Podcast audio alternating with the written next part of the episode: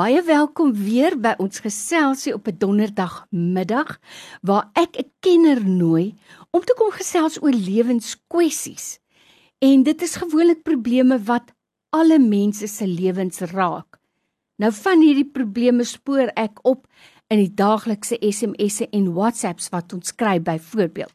Dr. François Swart is 'n pastorale en kliniese terapeut en ek moet vir jou sê Dr. François, ons waardeer dit regtig dat jy in 'n baie besige skedule tyd maak om met ons kom gesels en ons 'n bietjie lig te werp op hierdie moeilike sake sodat ons hopelik by 'n punt kom waar ons sê ek kies lewe. So baie welkom.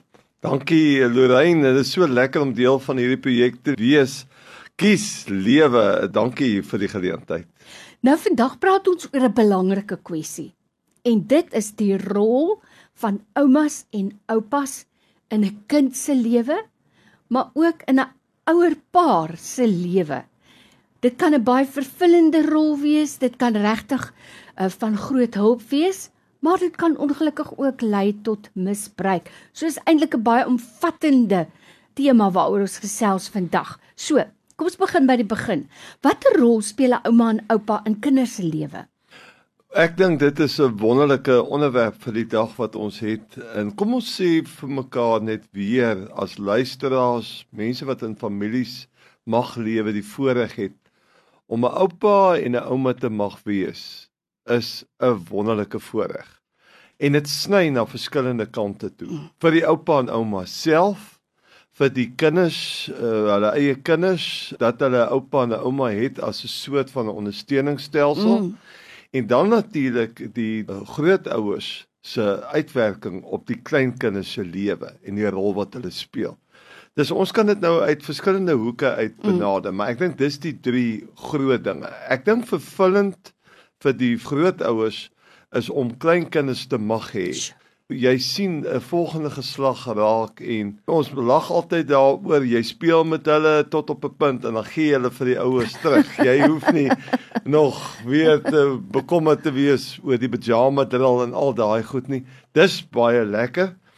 Aan die ander kant is dit baie gerieflik vir die kinders self dat hulle weet hulle het vir, vir oupa en ouma wat bietjie mm. kan instaan as hulle bietjie aan die huwelik wil werk of die kinders by die skool opgelaai word, dis daar kan 'n bietjie 'n spanbenadering wees. En dan bly dit maar so. Vir kinders, as hulle by oupa en ouma is, niemand kan 'n storie vertel soos wat oupa dit kan vertel nie. Niemand kan sulke lekker koekies bring en sulke lekker goedjies doen met 'n mens en vir 'n mens so styf vashou soos wat 'n ouma 'n mm. kleinkind kan vashou nie. Dis daar's 'n baie spesiale band wat tussen kleinkinders en en grootouers kan ontstaan. Nou dokter François, iets wat ek dikwels hoor in die ateljee wat my hart breek, want ek besef dis 'n voorreg Ek ken mense en ek seker jy ken mense wat nooit die voorreg gaan smaak om kleinkinders te hê nie, want dis 'n liefde wat jy nie eintlik in woorde kan beskryf nie, wat 'n ouma vir oupa vir 'n kleinkind het nie.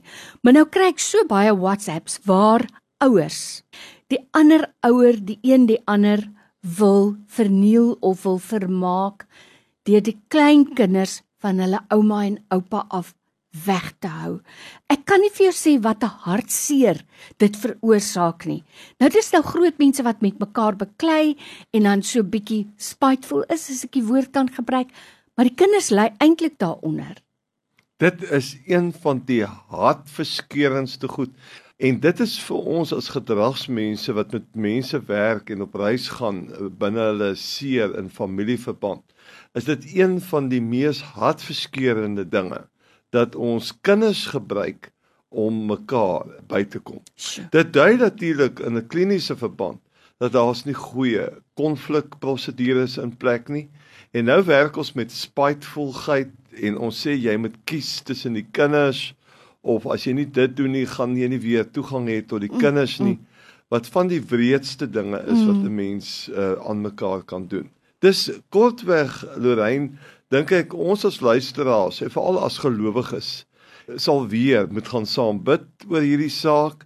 Dit is die verkeerdste ding wat 'n mens kan doen om vir 'n groot ouer te sê, maar jy gaan nie meer jou kleinkinders oh. sien nie. Jy vat iets weg uit hulle lewens uit wat vir hulle uh, emosioneel, psigies so kosbaar is en uh, ek wil pleit by ons jonger generasies dat as pappa en mamma jou frustreer dat jy baie seker sal maak dat jy liewes eers kyk of jy dit deur mediasie deur 'n ander weg met mekaar oor kan gesels nie. Natuurlik as oupa en ouma verkeerd werk met die kleinkinders mm. en uh verkeerde dinge met hulle doen en jy het al baie daaroor gepraat en dit hou aan dan moet daar besluite mm. geneem word. Maar dit moet gewoonlik saam met 'n professionele mens geneem word en uh, hulle moet verstaan as grootouers hoekom dan daai besluit geneem word. En natuurlik benadeel dit die kinders so baie ja. want hier is iemand wat jou eie kinders onvoorwaardelik liefhet.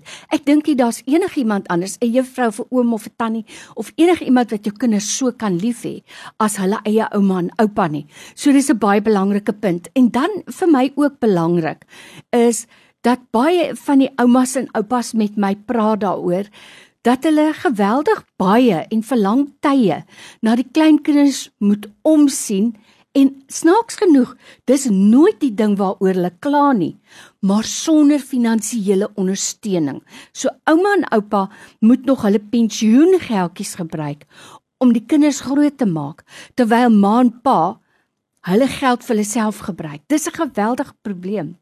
Dit is dis 'n slagveld dat mamma en pappa dis nou die kinders se ma en pa hulle buite hulle eintlik uit terwyl hulle van hulle eie kinders mm. finansiëel en uh dit kan nie. Dis uh wanneer jy as jong mens jou kinders gaan aflaai by jou ouers, is dit baie belangrik dat jy 'n mandjie pak as 'n mamma vir wat eetgoedjies aanbetref. Jy ken die kinders wat jy graag wil hê hulle moet eet.